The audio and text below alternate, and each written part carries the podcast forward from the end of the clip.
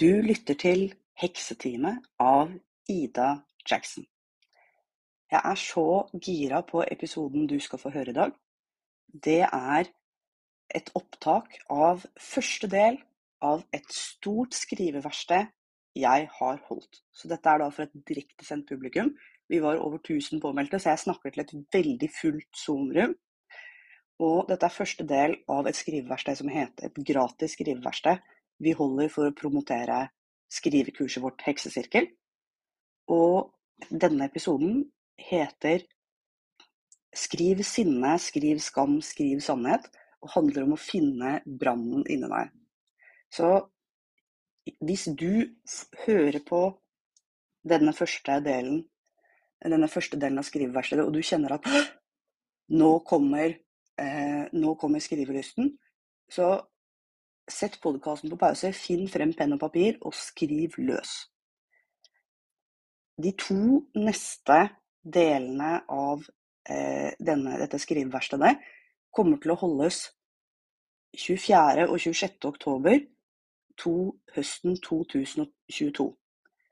Hvis du vil melde deg på, og du ikke hører på dette så langt inn i fremtiden at det er fysisk umulig, kan du gå til sjefsex.no slash sortmesse hvis du hører på denne podkasten når som helst, i fremtid eller fortid, kanskje ikke i fortid, så kan du sende idajackson.no på Instagram en melding og fortelle om teksten du skrev. Vi blir veldig glad hvis du tagger oss.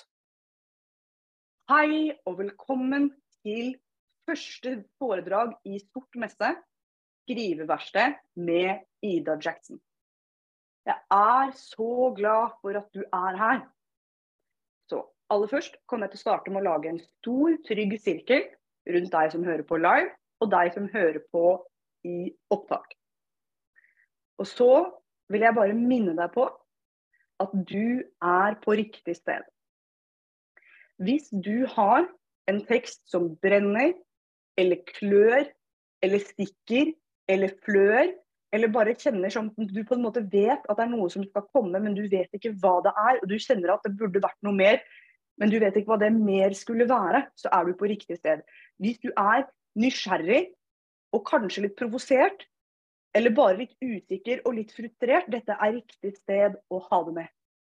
Hvis du er dreven, hvis du er durkdreven, hvis du er akademiker, journalist, etablert forfatter, eh, profesjonell markedsfører, eh, profesjonell lobbyist, eh, profesjonell påvirker. Alle disse jobbene er riktig sted eh, å komme inn nå. Skal vi se. Eh, du er på det riktige Du er på det riktige stedet. Uansett om du er helt, helt i startgropen, og du bare kommer hit med en liten rar gnist eller spire eller underlig følelse i magen, eller om du kommer på tiende året eh, og skal perse på mila. For det vi skal gjøre i Sort messe, er at vi sammen som kollektiv disse to ukene skal finne en tekst inni deg som brenner, hjelpe den ut, ut av kroppen din og ned på arket, og ut i verden. Enten verden er å vise den til noen i denne gruppa, eller verden er å sende den til Aftenposten så den kan gå viralt som stor kronikk. Eller verden er at du endelig endelig får vist det testkapitlet til veilederen din som du har prokrastinert i halvannet år. Eller verden er en lukket konto på Instagram med ti følgere. Eller verden er det neste bokprosjektet du sender til forlaget. Vi skal finne teksten, vi skal få den ned på papiret, og den skal ut i verden. I alle eh, arrangementer vi holder digitalt, så gjør jeg en liten tarotlesning. Og når jeg leser tarot, så leser jeg tarot for her og nå. Altså ikke tarot for fremtiden. Så jeg spør ikke f.eks.: Kommer det til å gå bra med Mariannes bok? Jeg spør hvordan kan Marianne jobbe med teksten sin akkurat nå, på det stedet hun er nå. Fordi eh, jeg tror ikke at det finnes én fremtid. Jeg tror det finnes uendelig mange fremtider. og at vi velger mellom de fremtidene med vår frie vilje, og det jeg bruker tarotkortene til, er å finne det beste verktøyet du kan gjøre for å ta det valget. Så Det første spørsmålet jeg stiller kortene da, som er til alles høyte og beste, det finnes ingen dårlige kort, er hvilket kort er her for å hjelpe alle deltakerne på Sort messe å finne den neste teksten de skal skrive. Og da kommer OK, hvilket kort er det som kommer? Da kommer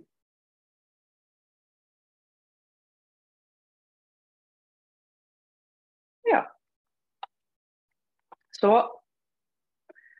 da kommer eneboeren, eller The Hermit, hvis du liker å slå opp kortene på engelsk. Og The Hermit er kortet for å ta ett skritt av gangen. Som du ser her er det noen som går ute i et mørkt lokale, et mørkt, mørkt landskap, og som holder en lampe foran seg, men den lyser ikke så veldig sterkt.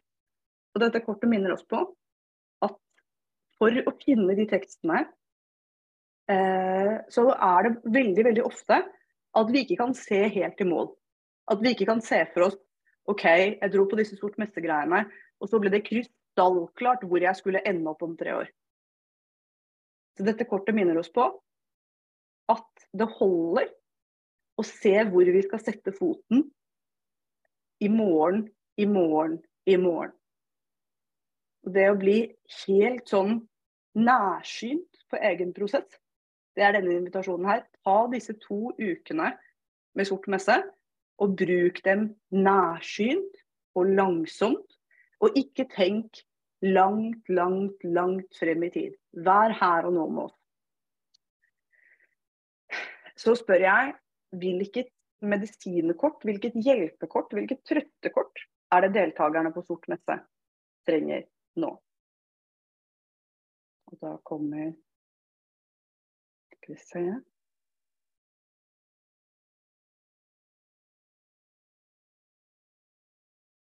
Ja. Da kommer ni begre. Og ni begre er et kort om å drømme store drømmer uten å si det veldig høyt. Altså Hvis du kan tenke at det er rugekassefasen av den kreative prosessen din, ikke sant? Hvor du føler at jo, det er definitivt noe som skjer inni meg nå, men jeg trenger ikke kringkaste det til alle jeg kjenner og si at nå kommer det snart et storverk. Eh, at veldig veldig mange ideer trenger en inkubasjonsfase, en rugekassefase, en tid hvor du holder kortene tett til brystet og drømmer dem store og sterke. Så Det er invitasjonen i dagens foredrag. Det er å ikke bli stresset av at du ikke ser hvor det er du er på vei. Og samtidig drømme store, hemmelige drømmer. Vær så god. Så Jeg tenkte å begynne denne sendingen med å kalle på alles forfedre, formødre, alle som har gått bak deg. Og alle som fortsatt lever, men som er gamle, og likevel kommer fra en annen tid enn deg. Fordi vi lever i en tid som er så annerledes enn noen annen tid på jorden har vært. Uansett hvordan livet ditt ser ut, så har du 100 ganger mer frihet enn det moren din hadde. Bare fordi du har dette store internettet, du har denne store, enorme, rare trykkefriheten til å kunne lage ting. Jeg gjentar, vi har nå et folkemøte på 280 mennesker, pluss alle som hører på i opptak. Eh, og ingen av oss har måttet leie en loka lokale eller finne noen som kan hjelpe oss å vaske doen etter å ha hatt et så stort folkemøte. Eh, og vi har ikke måttet si til noen at nei, 281 er for mange. Eh, vi har ikke plass i herberget. Jeg kaller på alle formødrene og forfedrene som vokste opp med at avisen var noe man trykket i en by langt, langt unna. Eh, Og at de man spurte om å skrive i avisen, var de veldig veldig få man allerede kjente til den avisen. Eh, og det var begrenset antall tegn. Og det var veldig, veldig dyrt å trykke avis. Og det var veldig få som skrev. Jeg kaller på alle eh, som hadde mindre tilgang på utdannelse, mindre tilgang på plass i offentligheten, mindre tilgang på kamera, dyrere papir, dyrere tegneutstyr. Eh, definitivt ingen mulighet til å produsere video. Jeg vet ikke om noen av dere husker hvordan det var å lage video bare for i, 2000, i år 2000. Ikke sant? Og nå går alle, hvor vanskelig det var med kamera og mørke rom, og hvor stort og tungt det var, og hvor spesialisert det var, og hvor få som faktisk kunne gjøre det. Den lille, korte tiden vi har kunnet filme og sende det ut før internett. Jeg kaller inn denne takknemligheten for å minne oss på at storparten av menneskets historie, altså alt som ikke har skjedd i ditt liv, har vært så annerledes enn tiden vi er nå. Og at når jeg snakker om kreativ frigjøring, og finne stemmen din og ta den plassen, så er det rett og slett en påminnelse om at ingen av dere lenger sitter i et offentlighetsbur hvor den eneste som kan være på kamera, er den som kommer i studio på Marienlyst fordi vi har NRK-monopol. At, eh, at alle her kan fortelle verden om det de har laget, uten å måtte lage masse stensiler og stikke dem i postkassene til folk. Som er sånn vi drev storparten av politikken for inntil fem minutter siden. Og bakover der er alle kvinnene som ikke fikk lære å lese, som ikke fikk lære å skrive, som ikke fikk utdannelse, som ikke fikk bestemme noe som helst over egen kropp, over eget liv og over egne valg.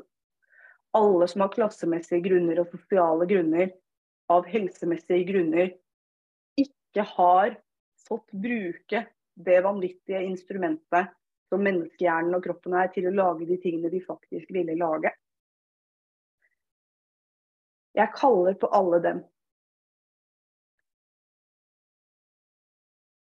for at de skal være her, og at de skal støtte oss og heie på oss i det åpningsarbeidet vi gjør sammen. Så eh, Jeg heter altså da Ida Jackson. Jeg er forfatter. Eh, min siste voksenbok het 'Fødselsdag'. Den kom på Gyllendal i fjor. Trude Marstein leste korrektur på den, og da sa hun til meg at den er så eh, splatter privat, at den er helt allmenn. Nær som en skrekkfilm.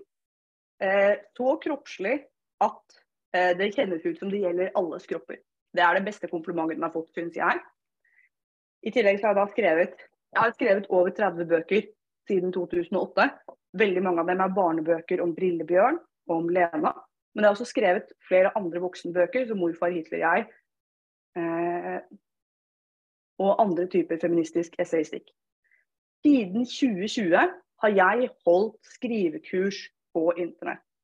Og det største skrivekurset vårt heter Heksesirkel. Det har vi nå holdt, tror jeg, én, to, tre, fire ja, ca. seks ganger, give or take. Eh, og vi har hatt over 700 mennesker som har tatt kurset i en eller annen form. I den siste formen så er vi ca. 500 mennesker som har gjort det. Så med 500 mennesker så går man fra å være én forfatter som gjør artige ting på internett, til å bli et skikkelig firma. Det er derfor Mikael jobber fulltid for meg, det er derfor Elise Otterlei jobber fulltid for meg. Det er derfor når du er i Facebook-gruppa, så blir du kjent ikke bare med meg, men med hele Team Jackson, som driver dette kurset. Og Det er også derfor vi kan kline til og dele ut så mye gratis i Sort messe som vi faktisk kan. Så Sort messe er en lanseringsfest for Heksesirkel. Påmeldingen til Heksesirkel åpner 31.10. På slutten av denne sendingen så kommer jeg til å fortelle deg hvordan du kan være med i trekningen av å vinne en gratisplass på Heksesirkel i løpet av Stort messe. Så mer om det senere. All right. Da skal vi inn i den viktigste kjernen i det vi skal jobbe med i dag. For i dag så skal vi finne én eller flere spennende, rare sannheter og branner inni deg som du har lyst til å skrive fra. Og det er målet for tiden vår sammen på Zoom i dag. Da vil jeg bare først spørre. Kan jeg få et ett-tall i chatten hvis du meldte deg på Sort messe med jeg skal ikke si med en bestemt idé, men med en eller annen bestemt ting som trøkker seg på. Noe du gjerne har på hjertet og vil få sagt, men ikke tør. Så hvis du har noe på hjertet du vil få sagt og ikke tør, gi meg et ett-tall. All right, her kommer ett-tallene.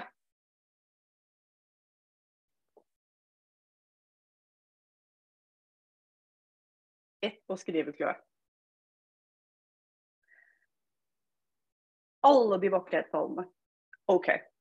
Hvis du meldte deg på sort messe og føler at du allerede skriver mye, eh, men du føler at du ikke klarer å si det du vil si på så høyt volum eller så høyt trykk eller så modig som du har lyst til, gi meg to tall.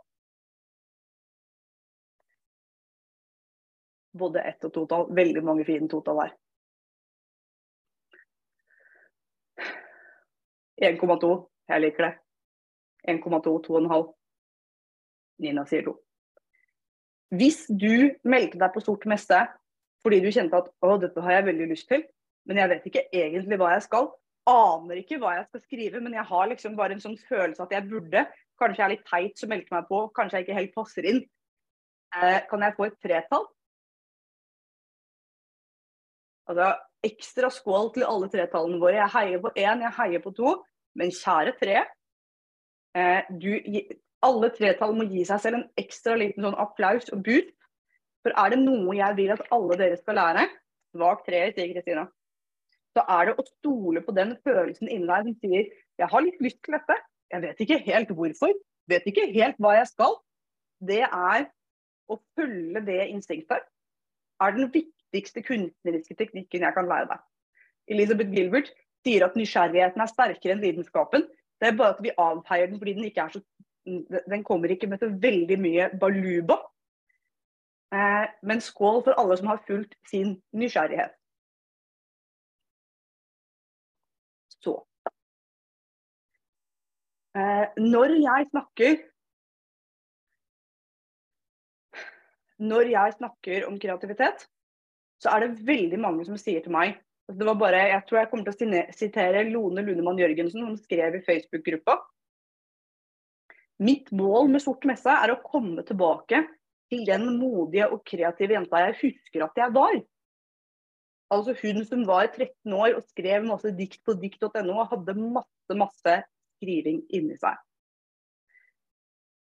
Når vi begynner med disse kreative frigjøringsøvelsene, så er det veldig mange som har minner om en barndom hvor du hadde mer fantasi og mer overskudd, hvor det var gøy å tegne, hvor det var gøy å spille teater, hvor det var gøy å dikte opp historier, og hvor du kunne dra til det stedet.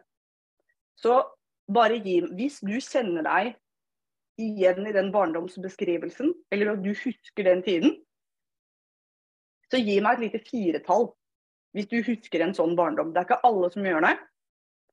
Eh, hvis du ikke gjør det, så får du lov til å være med i den gale traumeklubben sammen med meg.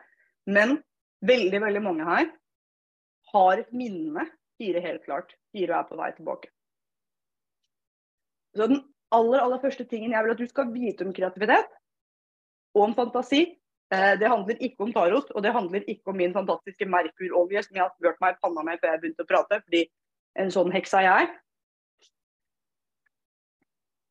Um, og det er, er at eh, med, forbehold om at jeg ikke er lege, eh, så har vi cirkum cirkum to måter å være i sentralnervesystemet vårt på. Og Det ene er den hvor vi er, hvor vi er litt stressa og vi er litt på hele tiden.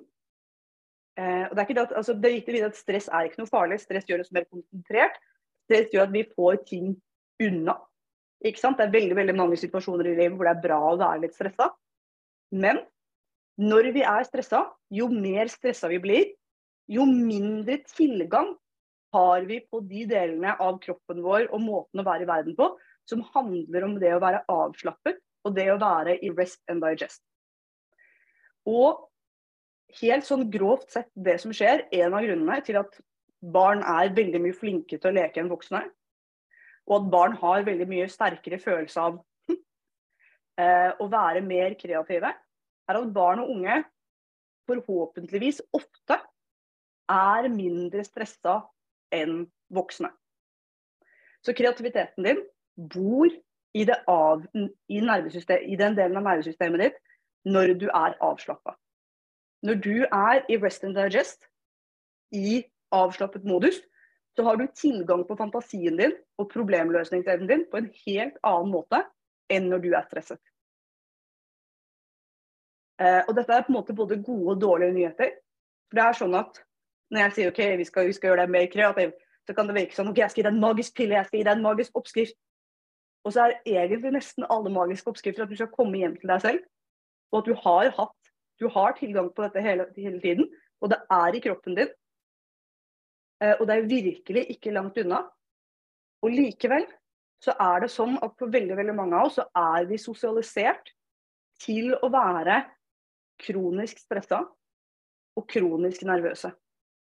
Og at de tingene, og det som på en måte gjør det vanskeligere å være der, er at de tingene som handler om det kreative, nemlig det å produsere noe som andre skal se på, eller andre skal høre på, eller andre skal forholde seg til på et eller annet vis, de tankene om det kreative prosjektet ute i verden, og hvordan kommer det til å gå, og kommer noen til å bli sure, og kommer noen til å like det, og kommer, bli, kommer, jeg til å bli avvist, kommer jeg til å bli refusert, kommer jeg til å få masse sure kommentarer på Facebook? Alt dette gjør at du blir stresset i selve skapersituasjonen. Og grovt sett så kan vi si at du er delt i to. At du har to moduser. Ikke sant? Alle mennesker har to ting vi trenger. Uh, og jeg liker å tenke på det. Egentlig ikke bare mennesker, jeg tror egentlig alle pattedyr har disse to behovene. Og det ene Jeg vet ikke om brennmaneter har det behovet, jeg kjenner veldig få brennmaneter. Men liksom, jeg tror dette er i utgangspunktet veldig universelle eh, være levende vesen-behov. Og det liker jeg å kalle for på den ene siden autentisitet. Altså autentisitet å være deg selv. Og det er å føre tilhørighet og tilknytning til andre. Og når vi begynner å tenke på Tenk hvis jeg kunne skrive sannheten. Tenk hvis jeg kunne si sannheten. Tenk hvis jeg kunne få ut det som brenner inni meg. Så er det en lengsel etter å uttrykke det som er deg. Ikke sant? Til å uttrykke det som føles sant for deg. Men grunnen til at jeg har kalt på alle formedbrødrene og forfedrene her i dag, er fordi det helbredelsesarbeidet vi må gjøre for at du skal kunne være mer deg selv, det handler om redselen for å bli sosialt avvist ved å bryte normer og skille seg ut, være annerledes og komme med sannheter som er upopulære å høre. Og Forskjellen på nå eh, og for 100 år siden er at selv om det fremdeles er sosialt stigma og mulighet for kjipe kommentarer og mulighet for at du får en gæren stalker og mulighet for at liksom Jeg skal ikke si at verden alltid er lett og alltid går bra når du kommer med vanskelige beskjeder, men det har blitt statistisk, juridisk, sosiopolitisk lettere enn det var i 1901. Ikke sant? Men det, det arbeidet vi gjør i Sort Mettstammen, det er å navigere det at um, for veldig mange av oss så er Når jeg sier autentisitet, så mener jeg ikke liksom at du skal være en autentisk countrymusiker med langt hår og liksom eh, holdt jeg på å si, også autentisk musikk. Min traumecoach, som jeg har jobbet veldig mye med, beskriver autentisitet som evnen til å kunne stole på egen kropp og egne følelser. Ikke sant?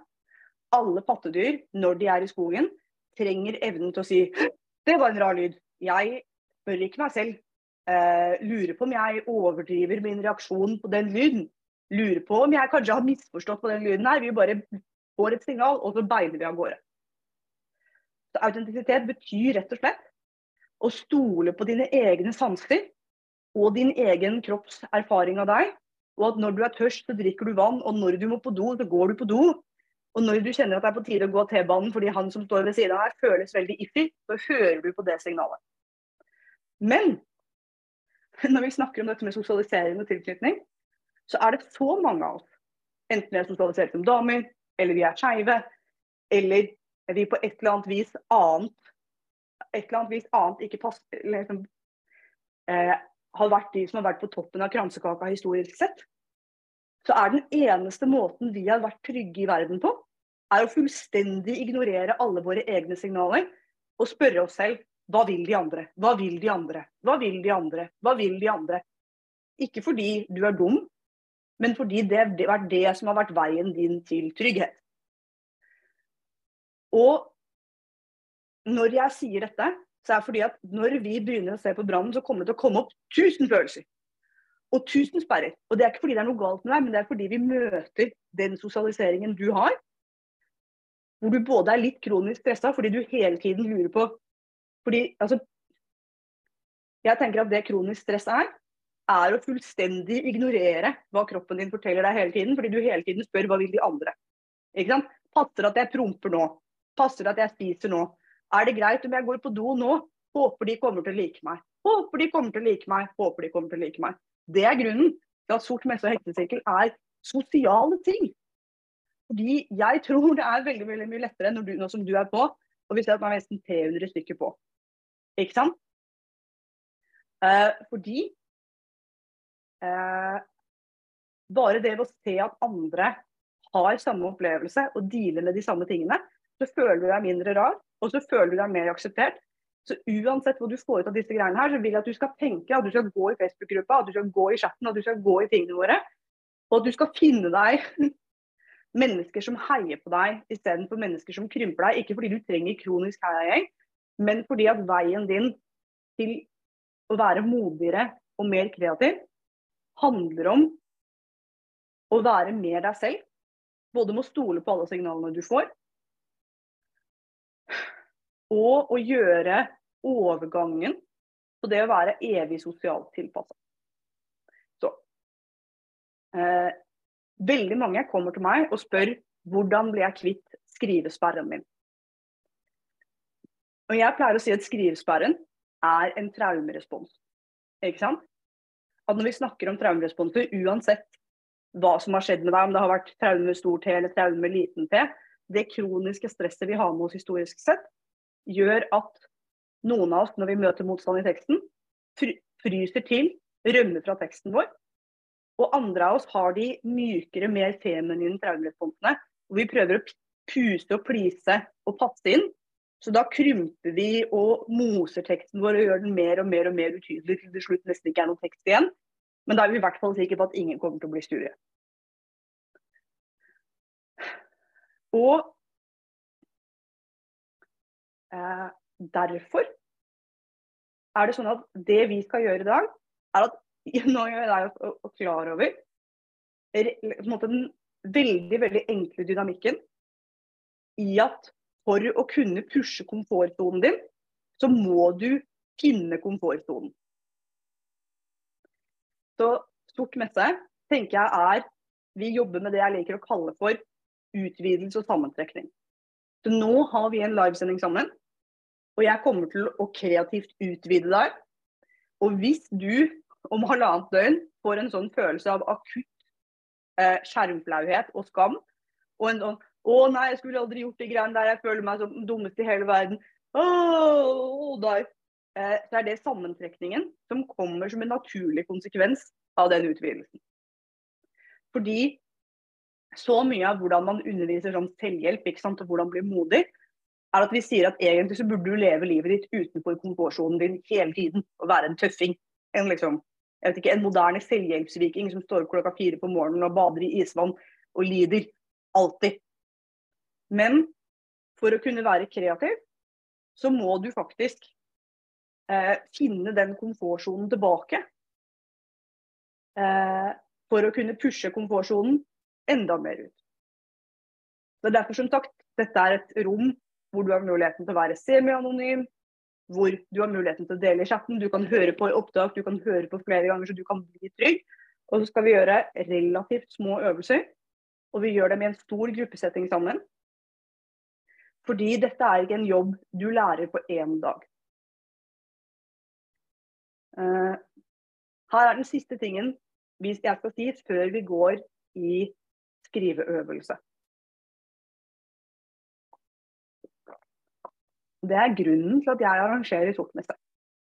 Sånn, skrivekursene våre er veldig populære. Folk liker å ta dem, og de virker veldig bra. Men jeg tror 100% med hele kroppen at de historiene som brenner i deg, de faglige sannhetene som brenner i deg, de argumentene som brenner i deg, den rare kunsten og språkløsheten og bildene som brenner i deg, er ting som trengs å komme ut. Jeg startet med å si hvor mye verden har endret seg. Men hodene våre og fortellingene våre bruker veldig veldig lang tid på å endre seg. Kulturen vår er fremdeles utrolig gammeldags og utrolig treg og utrolig langsom i hvilke fortellinger vi forteller. Fordi eh, det er som fortellingene lever sitt eget liv rundt oss. ikke sant? Alle sammen her har vokst opp med fortellinger som ligner på hverandre. Med, prinsessen som kysste prinsessen, og så våkner hun med eh, tante Sofie som er så sjefete at hun blir kidnappet, og så blir hun så sjefete av å være kidnappet at hun blir avvist, og til slutt gifter hun seg med kidnapperen sin. For en fin historie. Eh, rare eh, altså, historier hvor kvinner er Dolly og Minnie Mus, og kanskje liksom Jeg vet ikke om de har en jobb engang. Av og til får de blomster. Men eh, og som Liv Gulbrandsen har sagt på Heksesirkel flere ganger, så flott med Jo Nesbø, hvor kvinner, kvinnelik har avskårne brystvorter mer enn 124 ganger i løpet av alle Jos samlede bøker. Hvorfor er det slik? Hvorfor er det alltid brystvorten som blir skåret av? Men eh, fortellingene rundt oss er gamlere og tregere. Og jeg vet ikke hvilken bit av den nye fortellingen som bor inni deg, men jeg vet at den skal ut. Og Mitt livsoppdrag her på jorda er å skru på flest mulig stemmer så den nye, bra fortellingen kan komme frem. For de gamle, kjipe fortellingene er så tiltrekkende. Jeg vet ikke om du har fulgt med den nye statsministeren i Italia, men hun forteller noen gamle fortellinger som folk syns er kjempetiltrekkende. Hele fascismen handler om gamle, tiltrekkende fortellinger. Eh, gamle, om eh, 'jeg er en barsk og sunn kvinne'. Ikke noe avvikende skeiv person. Jeg er veldig naturlig og kristen på den rene måten. Eh, og sånn er det. Ikke sant? De gamle fortellingene er så sterke, og de sitter så dypt i oss. Og Derfor så må alle de nye fortellingene ut. For Jeg skjønner at du er redd, og jeg skjønner at kroppen din sier men jeg må ikke få uvenner, jeg må være snill med alle. Og jeg holder deg, og jeg skjønner at kroppen din er sånn. Og likevel så må din bit av den nye fortellingen ut, så vi kan få en ny kultur. Og sånn at den frigjøringen de begynte på det århundret som gikk, kan bli på ekte fordi vi husker at den er her. Ikke bare på papiret, eller ikke bare teknologien og ikke bare lovens bokstav, men faktisk i hvordan vi ser på verden. Og hvis du tenker at Det høres ut som siste behov av Maslows behovspyramide, og det er det. Men det er en essensiell jobb å drive med. Og så kan du si at jeg vil bare drive med skjønnlitteratur som er morsom. Og jeg bare, men det er også en del av fortellingen vi trenger. Når du jobber som barnehagelærer, så er det fortellingene vi trenger. Du jobber med nye hjerner som lærer om verden på nytt. Uh, og eh, da jeg ga Brillebjørn to mødre, så var jeg den første norske barneboka som hadde et skeivt foreldrepar. Det fantes noen oversatte. Eh, det fantes noen bøker som handlet spesifikt om det. Men når det ble et presseoppslag, så var jeg primært flau for at det ikke gikk før 2016. Og at det måtte være meg. Ikke sant? Um, og uh, de tre første årene i Gyllendal så satt jeg med tegningene og så sa jeg flotte tegninger. Det må være flere mørke unger på det bildet. Og så var de sånn Virkelig? Er du sikker? Er det så mange mørke unger i Norge? Og jeg bare ja, flere. Null. Vet ikke om du har vært på lekeplassen i det siste, men det er altså det. Folk skriver til meg og sier jeg prøvde å kjøpe en barnebok med en mørk unge. Jeg fikk beskjed om at jeg kunne kjøpe en brun tusj og farge Thomas og Emma. Sa de til meg på ark. Eh, Og så har det begynt å skje en snuoperasjon. Eh, så liksom, I fjor var Gyllendal ute og sa vi var tidlig på mangfoldssatsingen. Det var dere. En gjett. eh, og dette er ikke sånn for å si jeg og Ida, gjør en supergod jobb. altså Jeg har vokst opp kjempehvitt og kjemperasistisk, og jeg har en million blindsoner. Ikke sant? Men grunnen til at jeg skrev til morfar, Hitler og jeg, det er fordi det har vært min families primære bidrag. Å dra på østfronten og være rask. Eh, men eh, Men det betyr ikke at vi ikke kan være med og utvide den verden. Ikke sant? Så det er grunnen. Eh, skal, jeg bare se på listen min her. Sånn, ja. Jo, det er derfor vi gjør dette sammen. Og det er derfor historien din trengs. Så. Har du noe å skrive med? Papir, internettdings, en serviett, pinne i sand. Gi meg et ett-tall i chatten hvis du har noe å skrive med. Are you ready? Oh yeah. Er du klar for å skrive? Er du klar for å skrive?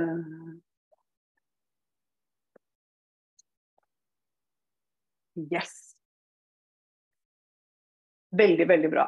Så det jeg kommer til å gjøre nå, at jeg kommer til Å, oh, wow. Skal vi se. Åh. Oh. Oh. Jeg liker at Ragnhild er full av patetklister. Her har jeg en liten flaske med min Merkur spesialolje med en liten penn på. Merkur er skrivingens planet. Ikke sant? Uh, og det er min planet. Og nå kommer jeg til å si Nå jeg gjør alt jeg kan i eteren. Og hvis du ikke tror på det, hvilken olje er Merkur-oljen? Dette er fra Spray and Sundry. Så det de gjør, er at de gjør gamle middelalderritualer på veldig gode astrologiske tidspunkt. Eh, og så er det liksom da, så Dette er en Ticatrix-olje veldig knyttet til, eh, for dere som er opptatt av middelaldermagi som jeg er vokst opp med, da, eh, så er dette da en exalted Merkur i eh, Jomfruen med ekstra god skriverelasjon til Jupiter. Eh, så jeg vet ikke nøyaktig hva som er i oljen, jeg vet bare omstendighetene hvor den er laget, med min venn Austin som lager sånn. Nå smører jeg den på min hals, og tenker at jeg smører den litt på dere alle sammen gjennom Zoom. Og at jeg tenker at alles halssjakraer bare åpner seg. For det er halsen vi pleier å si at du skriver eller snakker med. Og så kommer jeg til å gi deg noen stikkord. Og så er målet ditt nå at du bare skal skrive så fort og gæli med det første som kommer, uh, som kommer, ned. Og hvis det eneste som kommer ut er 'Ida er teit, dette her er kjemperart', 'Ida er teit, dette her er kjemperart', så bare skriver du det. Så.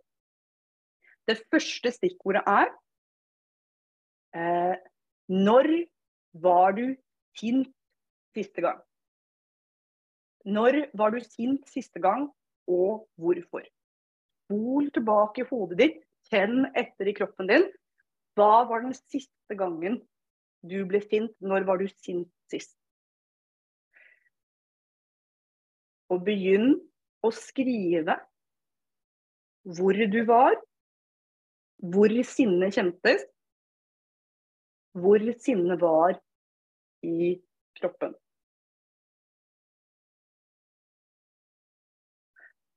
Og hvis hvor du var, hvor sinnet kjentes, hvor sinnet var i kroppen.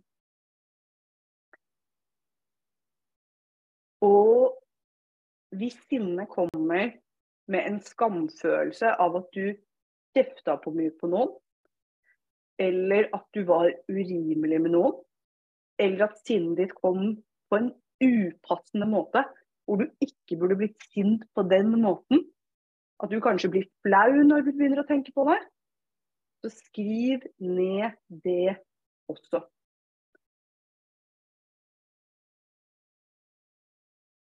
Og mens du er her, i sinnet og skammen fra sist gang, så se om du kan gå bakover og tenke på eh, hvilken ting du bli, alltid blir sint av når du kommer på. Hvilken, ting, hvilken måte som alltid kan gjøre deg sint, hvilken ting er det som er din store sinneknapp? Hvis du har en. Og hvis du ikke har en, så prøv å gå inn i den følelsen av å bli sint på deg selv, eller bli skamfull eller flau. Når var du flau sist? Når angret du deg sist? Når hadde du fylleangst sist? Når følte du at du hadde snakket over deg sist? Når tenkte du at Gud bedre, det skulle jeg aldri sagt, aldri gjort sist? Hvor kom den fra? Og mens du er her og tenker på dette, kanskje du kan skrive ned én ting som du syns at alle burde gjøre, eller alle burde slutte å gjøre. Hvis du kunne bestemme én ting som alle kunne gjøre, eller alle burde slutte å gjøre, hva skulle det vært? Bare skriv fritt om dette assosiativt rundt deg til du blir litt tom. Det er ikke sikkert du blir tom, men bare fortsett.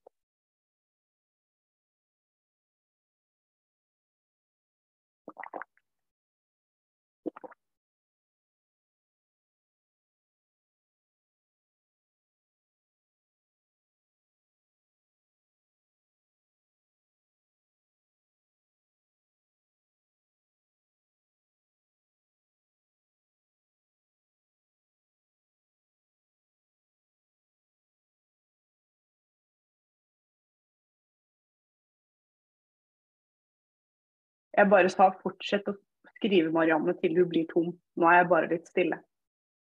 Nå skal jeg la være å hviske.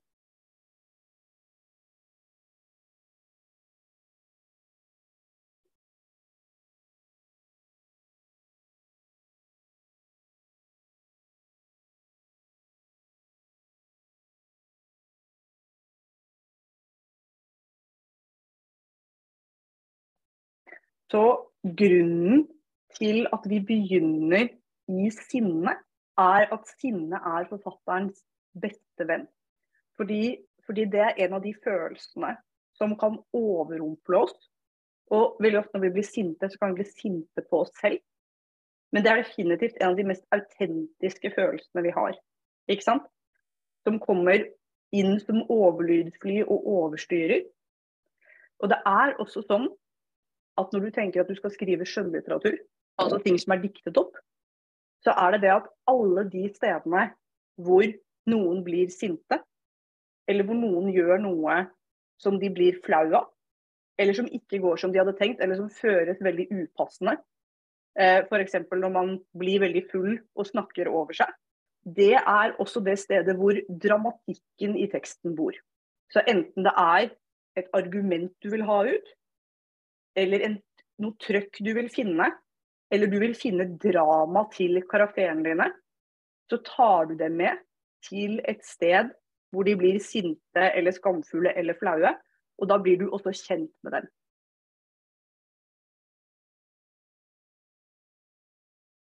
Og så er det også sånn at sinnet vårt og skammen vår og flauheten og den følelsen at vi har vært for mye eller tatt for mye plast eller gjort noe feil eller tråkka over, eh, på et eller annet vis, at vi er skyld i noe, det er også de følelsene vi aller helst vil døyve ned. Ikke sant? Som vi virkelig vil begrave. Og likevel eh, så er det at i de eh, de, begrav, de begravde følelsene, så finner du også det stedet hvor skoen trykker. Ikke sant? Jeg husker en gang jeg var på et møte hvor vi var dette er, er jo næringslivsdame, ikke sant? så jeg var på et møte hvor vi var ti menn og én dame. Og så gikk det en runde rundt bordet, og alle skulle si eh, alle skulle si sin mening om prosjektet. Og når det kom til hun andre dama som ikke var meg, så hoppet de over henne. Og når det ble min tur, så er jo jeg helt umulig å hoppe over fordi jeg prater veldig høyt. Eh, så jeg sa alt jeg mente veldig høyt. Og så etterpå så snakket jeg med hun dama som jeg ikke kjente så godt. Og så sa jeg sånn Hvor sint ble du når de hoppet over deg? Og så sa hun Hvordan visste du det? Og jeg var litt sånn Det er egentlig helt åpenbart, liksom. Det er på like åpenbart som at høyhælte sko er vonde, eller at trange bukser er trange. Eh, men selvfølgelig ble du kjempesint. Og så var hun sånn Jeg håpet liksom at ingen la merke til det, eller at det skulle være en hemmelighet, eller at det liksom på et eller annet vis kommer til å bli bedre en dag. Og så er jeg sånn Ja, det er mulig de gjør det, men realiteten er jo at i den sinnefølelsen uansett, så er det veldig veldig ofte der skoen trykker. Jf. Det Mia sier, at min sinneknapp er uten tvil å bli avbrutt, overkjørt og ikke hørt. Hva burde alle gjøre? De burde høre på meg. Ikke sant? Mm. Så når du tok på sinne, hvordan føltes det i kroppen mens du skrev det? Føltes det skummelt? Ble det trangt? Eh, føltes det godt? Det, hvis noen har lyst til å dele litt i chatten, så blir jeg veldig glad. Om hva, hvordan det føles når du tar på deg.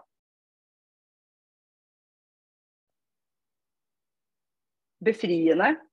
Varm på ørene, prikket i huden, klump i magen. Putrende, litt trykk i brystet. Koker. Sinne blir fort til sorg. Det ble veldig teknisk og nøkternt. Jeg blir trist. Det var deilig. Jeg ble veldig bitter. Rasende. Så ubehagelig. Det er der, men det føles på en måte numment. Det river. Jeg ble veldig flau. Jeg står på talerstolen og skjeller ut ordføreren. Jeg elsker deg, Ulla. Kvelende, rensende. Tenker på hvordan jeg ble møtt i barndommen. Flaut.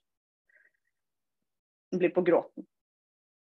Går sy gikk sykt fort rundt Sognsvann som om pusten blir seig. Blir nysgjerrig, sier Martha. Det føles som å pirke av en skorpe, sier Ragnhild. Så. Når du zoomer inn på kroppen din mens du skriver, og du kjenner nå begynner jeg å skrive om denne følelsen, og så kommer skammen og intensiteten og kroppsfølelsen. Steg to av å åpne teksten din er å skrive om følelsen du får i kroppen. Enten den er nummen eller ikke til stede, eller kjempeintens og rasende. Nå tar vi to minutter, og så vil jeg at du skal bare skildre, altså zoom inn på følelsen du følte i kroppen din nå, som du begynte å beskrive. Og begynn å beskrive den følelsen. Så. Det som er med den skriveøvelsen her, er at når du går inn og begynner å skildre en følelse, og virkelig flytter inn i den, uh, enten det er Hva skal jeg si for noe?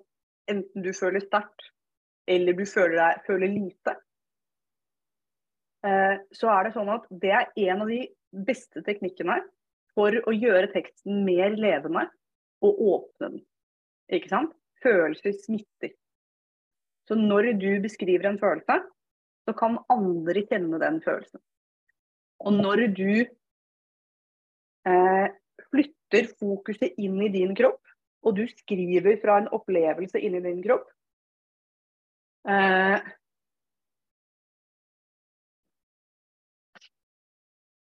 Når du skriver opplevelsen inn i din kropp, så blir teksten mer levende med en gang. Fordi felles for alle som leser, er at alle lesende vesener har kropper. Samtidig som litteraturen hele veien frem til den er til nå, er liksom en sånn intellektuell, smart ting som skal skje her i pannebrasken. ikke sant? En åndelig opplevelse. Særs dannet. Meget, meget dannet. Men når du skriver fra følelsen, så skriver du fra kroppen. Og så er det sånn at nå valgte vi en emosjon, ikke sant? Men du kan like gjerne skrive fra følelsen mellom fingertuppene dine, eller følelsen av tennene mot tungen, eller følelsen av hvordan det er å sitte på en sykkel og tråkke opp en bakke og bli svettere og svettere. Eh, poenget er at når du går inn i din kropp og skriver fra et sted inni din kropp, så blir din tekst mer levende og mer levende for leseren. Fordi leseren kan kjenne seg igjen i din kroppsopplevelse. Og hvis du nå som MSK sier her at du føler deg annerledes eller rar, eh, fordi du føler mindre eller du tenker oi, er jeg så annerledes? På alle de må måtene hvor Altså eh, Når jeg har jobbet med disse teknikkene i et eh, kurs eh, ledet av Lydia Juknovic for noen år siden, eh, som, er, som heter Corporal Literature, hvor hun er veldig, veldig opptatt av det kroppslige litteraturen så er hun også veldig opptatt av at det finnes stor psykologisk variasjon og stor nevrologisk variasjon. Det er bare det at fordi det finnes så få fortellinger om å være noen som føler kjempemye, eller noen som føler veldig lite, eller noen som tenker på en bestemt måte, så kan vi føle oss helt feil når vi begynner å eh, tenke på den måten. Men dette er særlig til deg Eh, også hvis du har blitt diagnostisert på autismespekteret, eller hvis du har en eller annen form for eh, annen type tilstand som du vet om. Så ikke tenk at du er nødt til å skrive på en måte hvor du eh, har utgangspunkt i at ingen er som deg, og du må tilpasse deg alle andre. Skriv, skriv fra ditt sted, MSK. Eh, for litteraturen trenger også alle de forskjellige måtene som kroppene våre er i verden. Eh, og hjernene våre er i verden. Men en av grunnene til at jeg er opptatt av å zoome inn, både mens vi, mens vi skriver, enten det er på kroppslige opplevelser eller på emosjonelle opplevelser altså Emosjonene er jo i kroppen, men liksom enten liksom Oi, denne følelsen kjente jeg veldig sterkt. Eller Oi, her er en veldig intens skildring av det å være sulten. Ikke sant? begynner å bli liksom Du begynner å glede deg til mat, kjenner det på tunga, kjenner at det rumler i magen, alle de tingene. Er at når vi En av måtene vi kan flytte oss til rest and digest, det rolige, kreative sentralnervesystemet, er å flytte tilbake i kroppen vår. Så Den teknikken vi jobber med i heksesirkel, er rett og slett det jeg kaller for mikroavbrytelser eller mikropauser. Og vi blir veldig klar over at vi har på oss en genser, eller klar over at vi har hår. Eller veldig klar over at føttene våre er på bakken. Eh, fordi når vi er i her og nå, så har vi mer tilgang på sansene våre. Og sansene gjør både kunsten mer levende, og det gjør at du samtidig kommer tilbake videre inn i det kreative. Yes, litt zen. Uh, og rett og slett bare sånn helt rent biokjemisk. Alle her har sikkert opplevd å være i trafikken, og så har det skjedd noe stressende. Og så har du merket at liksom, det virker som du får tunnelsyn, og du hører mindre. Fordi du blir så fokusert at du blir så stressa. Så når vi blir stressa, så blir vi mer sånn tunnel. Mens det å puste helt ut, det er på en måte her hvor, hvor bladene rasler på trærne og lyrikken bor.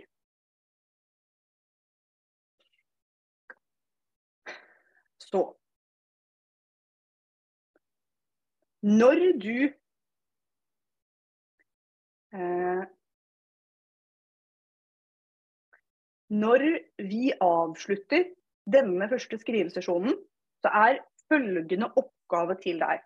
Og så er det sånn Med alle oppgavene i Sort mester så er dette oppgaver som du står 100% autonomt og tolker sånn som du har lyst til. Dette er ikke skole.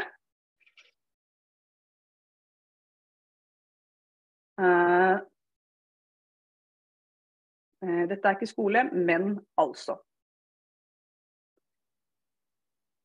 Du kan enten ta denne teknikken med å gå til sinnet, eller gå til følelsen, eller gå til motstanden og skrive derfra, og så se hva som kommer.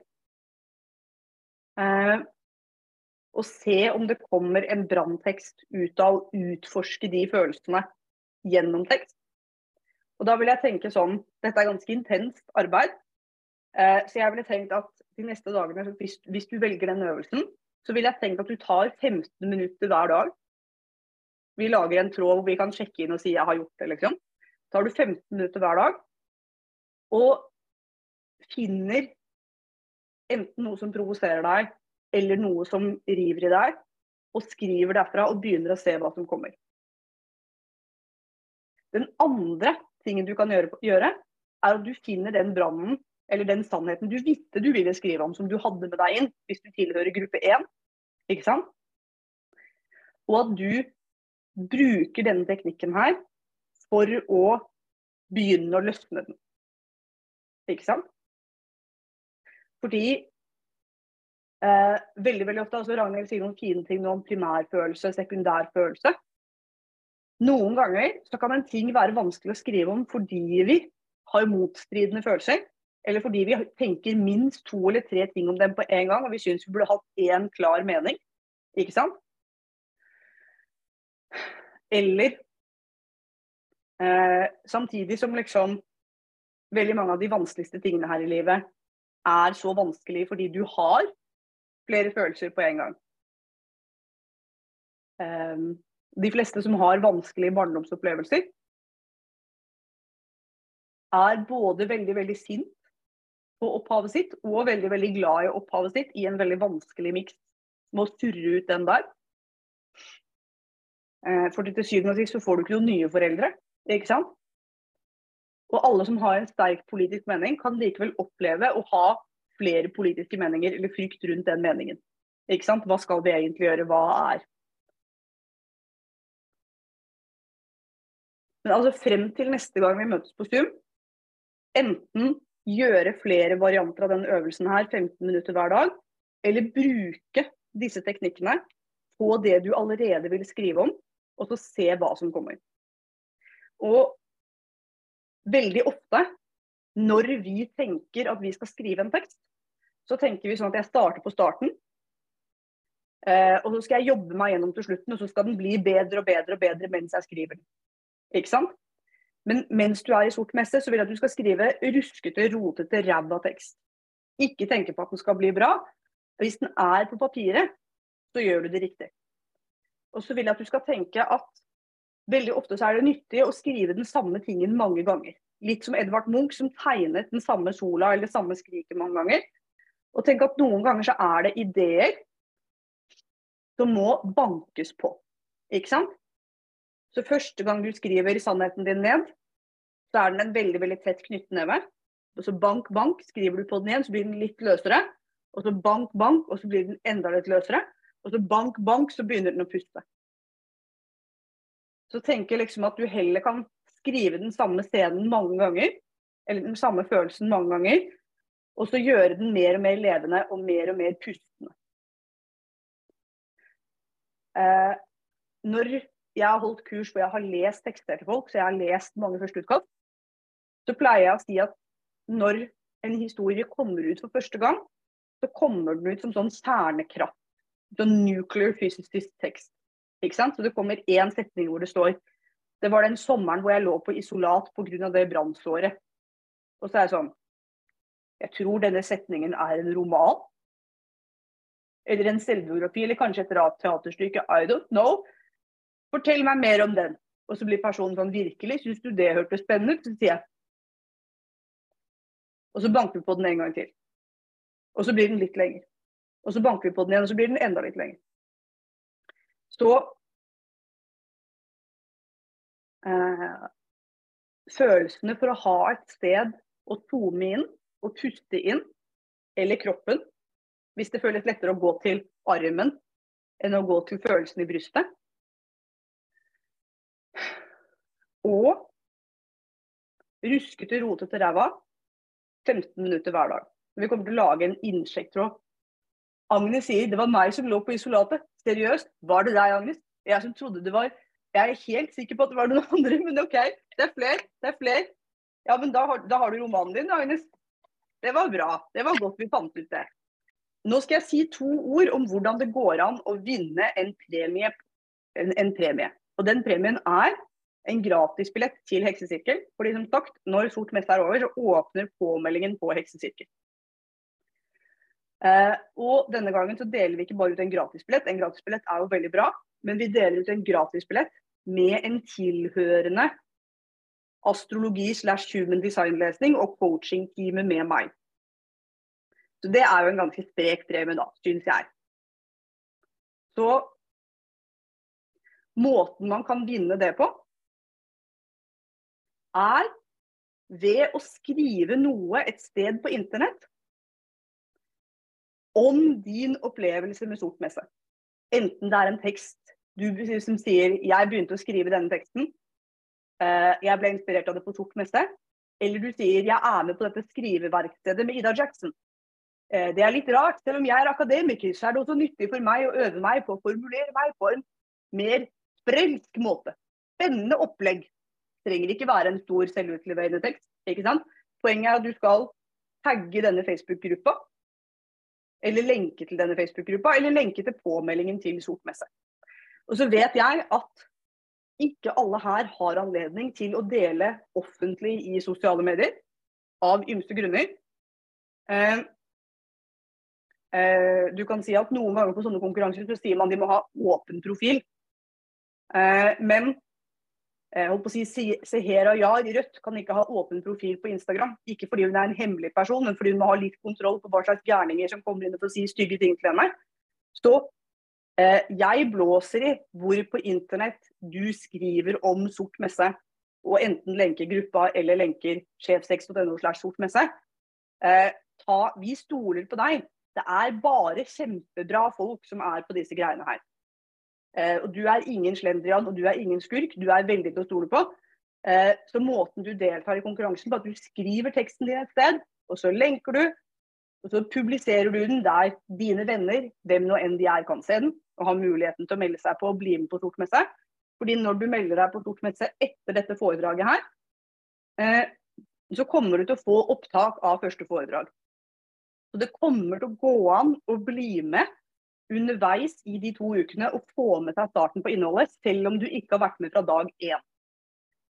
Det er litt forvirrende for folk, fordi vi er veldig veldig opptatt, alle vi som er vant til skolevesenet, å leve i lineær tid. Ikke sant? Da har du gått glipp av en forelesning, så har du gått glipp av en forelesning. Men internett fins. Så sånn trenger det ikke være på stort messe. Du kan melde deg på i morgen og fremdeles få opptak av denne sendingen. Ikke sant? Så du skriver en tekst, du lenker enten Facebook-gruppen eller påmeldingen til Sort messe og gjør det tydelig at folk fortsatt kan melde seg på. Og så deler du det med dine venner. Det er samme hvilken sosiale medieplattform du velger, og det er samme hvor mange følgere eller venner du har.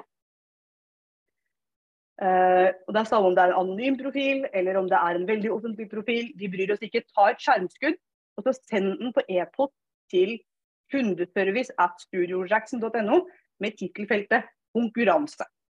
Så trekker vi fra skjermskuddene. Så denne beskrivelsen av konkurransen kommer også til å komme til deg på e-post når du er påmeldt. Og Mikael kan sikkert gjenta det flere ganger, han også. Så kommer vi til å gjenta det i Facebook-gruppa. Men sånn funker det altså. Eh,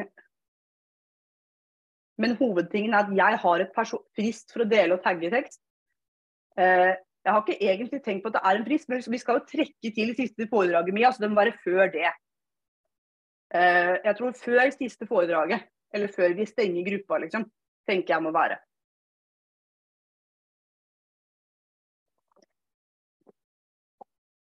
Uh, kundeservice at Studio Jackson. Mikael kan også skrive det flere steder. Og vi kommer også til å skrive det i Facebook-gruppa. Uh, så kommer vi også til å dele. Men altså underveis, når du har aha-opplevelser, eller du Jo, her er også en oppfordring. Når du kjenner at du har tekster som begynner å løsne, eller gale ideer til ting du har lyst til å si, så bruk Facebook-gruppa til det. Hvis du føler deg kallet, eller føler at du tør, eller du bare har lyst til å prøve, så tenk at liksom det er et trygt testrom. Vi kommer og heier på deg inne i Facebook-gruppa. Eh, så du får lov til å kladde, og du får lov til å teste uferdige ting i Facebook-gruppa. Så det er ikke et sted hvor du kan antageligvis publisere en hel roman, for det er fortsatt bare inne på Facebook. Men liksom bare eh, Hvis du har tegna en rar tegning eller skrevet en fint liten ting i løpet av denne øvelsen, så sleng ting ut. Ikke for å få tilbakemelding hvor vi skal si 'veldig bra' eller 'veldig dårlig', men fordi vi gjør disse frigjøringsøvelsene sammen. Og det er noe med bare eh, jo, jo mer vi gjør ting sosialt i denne konteksten, jo lettere er det for kroppen vår. Altså, jeg kan snakke om trygghet, og jeg kan gi deg øvelser som gir deg trygghet alene på rommet. Men min mentor med Cozy, som jeg jobber med i den ene sånn, Jeg er i en business coaching-gruppe for eh, eh, næringslivsledere som også er mammaer og også er åndelige. Eh, som er liksom, si, min forgylla ammesirkel på, på internett. da? I internasjonal sammenheng. Der henger jeg. Uh, og uh, hun som leder den sirkelen, hun sier at én uh, ting er å vite at det er trygt å være deg.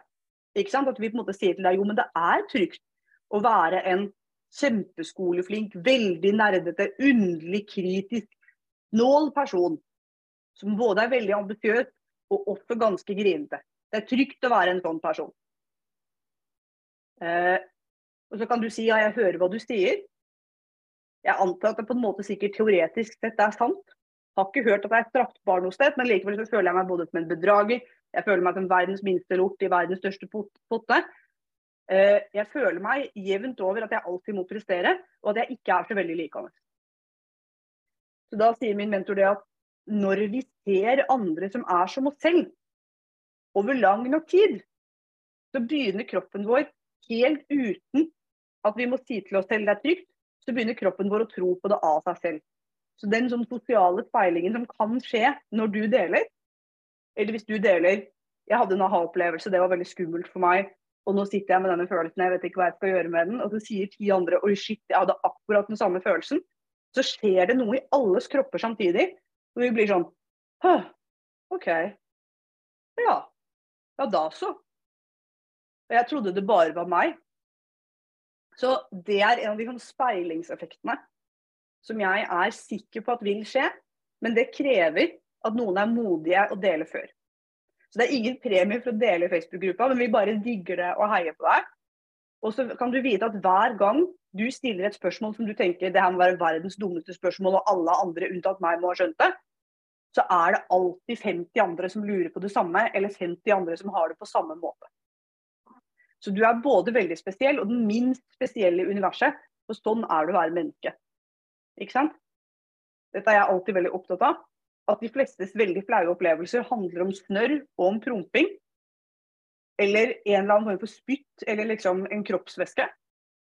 Og er det noe som er 100 sikkert her, så er det at alle som er her, har neser og rumper og munn. Ikke sant? Det bare skjer ikke. Altså, vi, vi, kan ha så forskjellige kropper som vi bare vil, men alle har en nese, liksom. Eh, så det er eh, de, de, tingene som føles hemmeligst, og som føles verst, er de aller mest allmenne.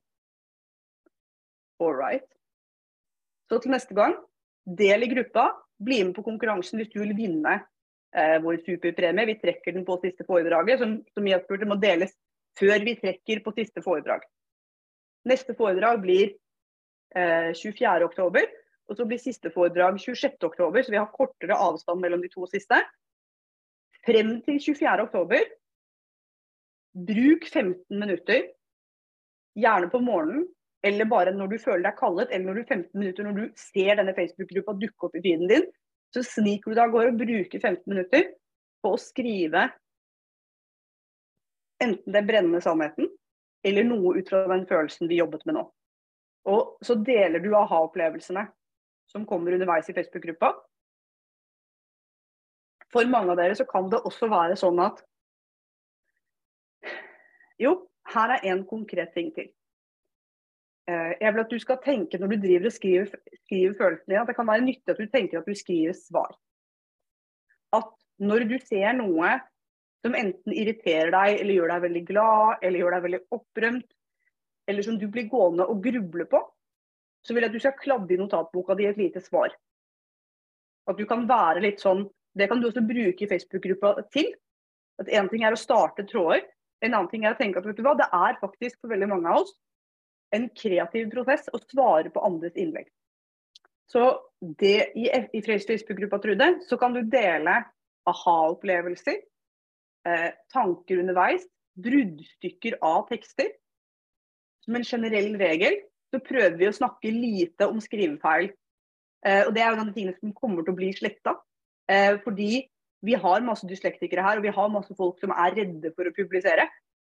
Uh, så det er sånn Du får lov til å pirke på meg, men Eh, jeg vet at for hver person som skriver lett, så er det ti stykker som sitter og tenker å nei, å nei, å nei, å nei. Noen kommer til å dømme meg fordi det kommer ut feil. Og jeg vil at du skal skrive dårlig og feil i gruppa. Og så er det korrekturfri sone på alle våre ting, fordi korrektur er et eget fag som man bruker når man er kommet langt frem i produksjonen. Da får man hjelp til det. Ikke sant? Litt på samme måte som at du ikke, ikke maler huset eh, mens du legger grunning. Alle trengte en, skrive, uansett. Nå lukker jeg selve sirkelen og lukker øvelsene for i kveld. Du har hørt på Skriv sinne, skriv skam, skriv sannhet. Første del av et skriveverksted med Ida Jackson. Hvis du vil melde deg på og få med deg de to siste delene, så går du til sjefsex.no slash sortmesse. Du finner påmeldingen i shownotes. Vi gleder oss til å se deg. Nå fikk jeg akkurat besøk av min sønn her, som kom hostende inn. Eh, så det får være et easter egg.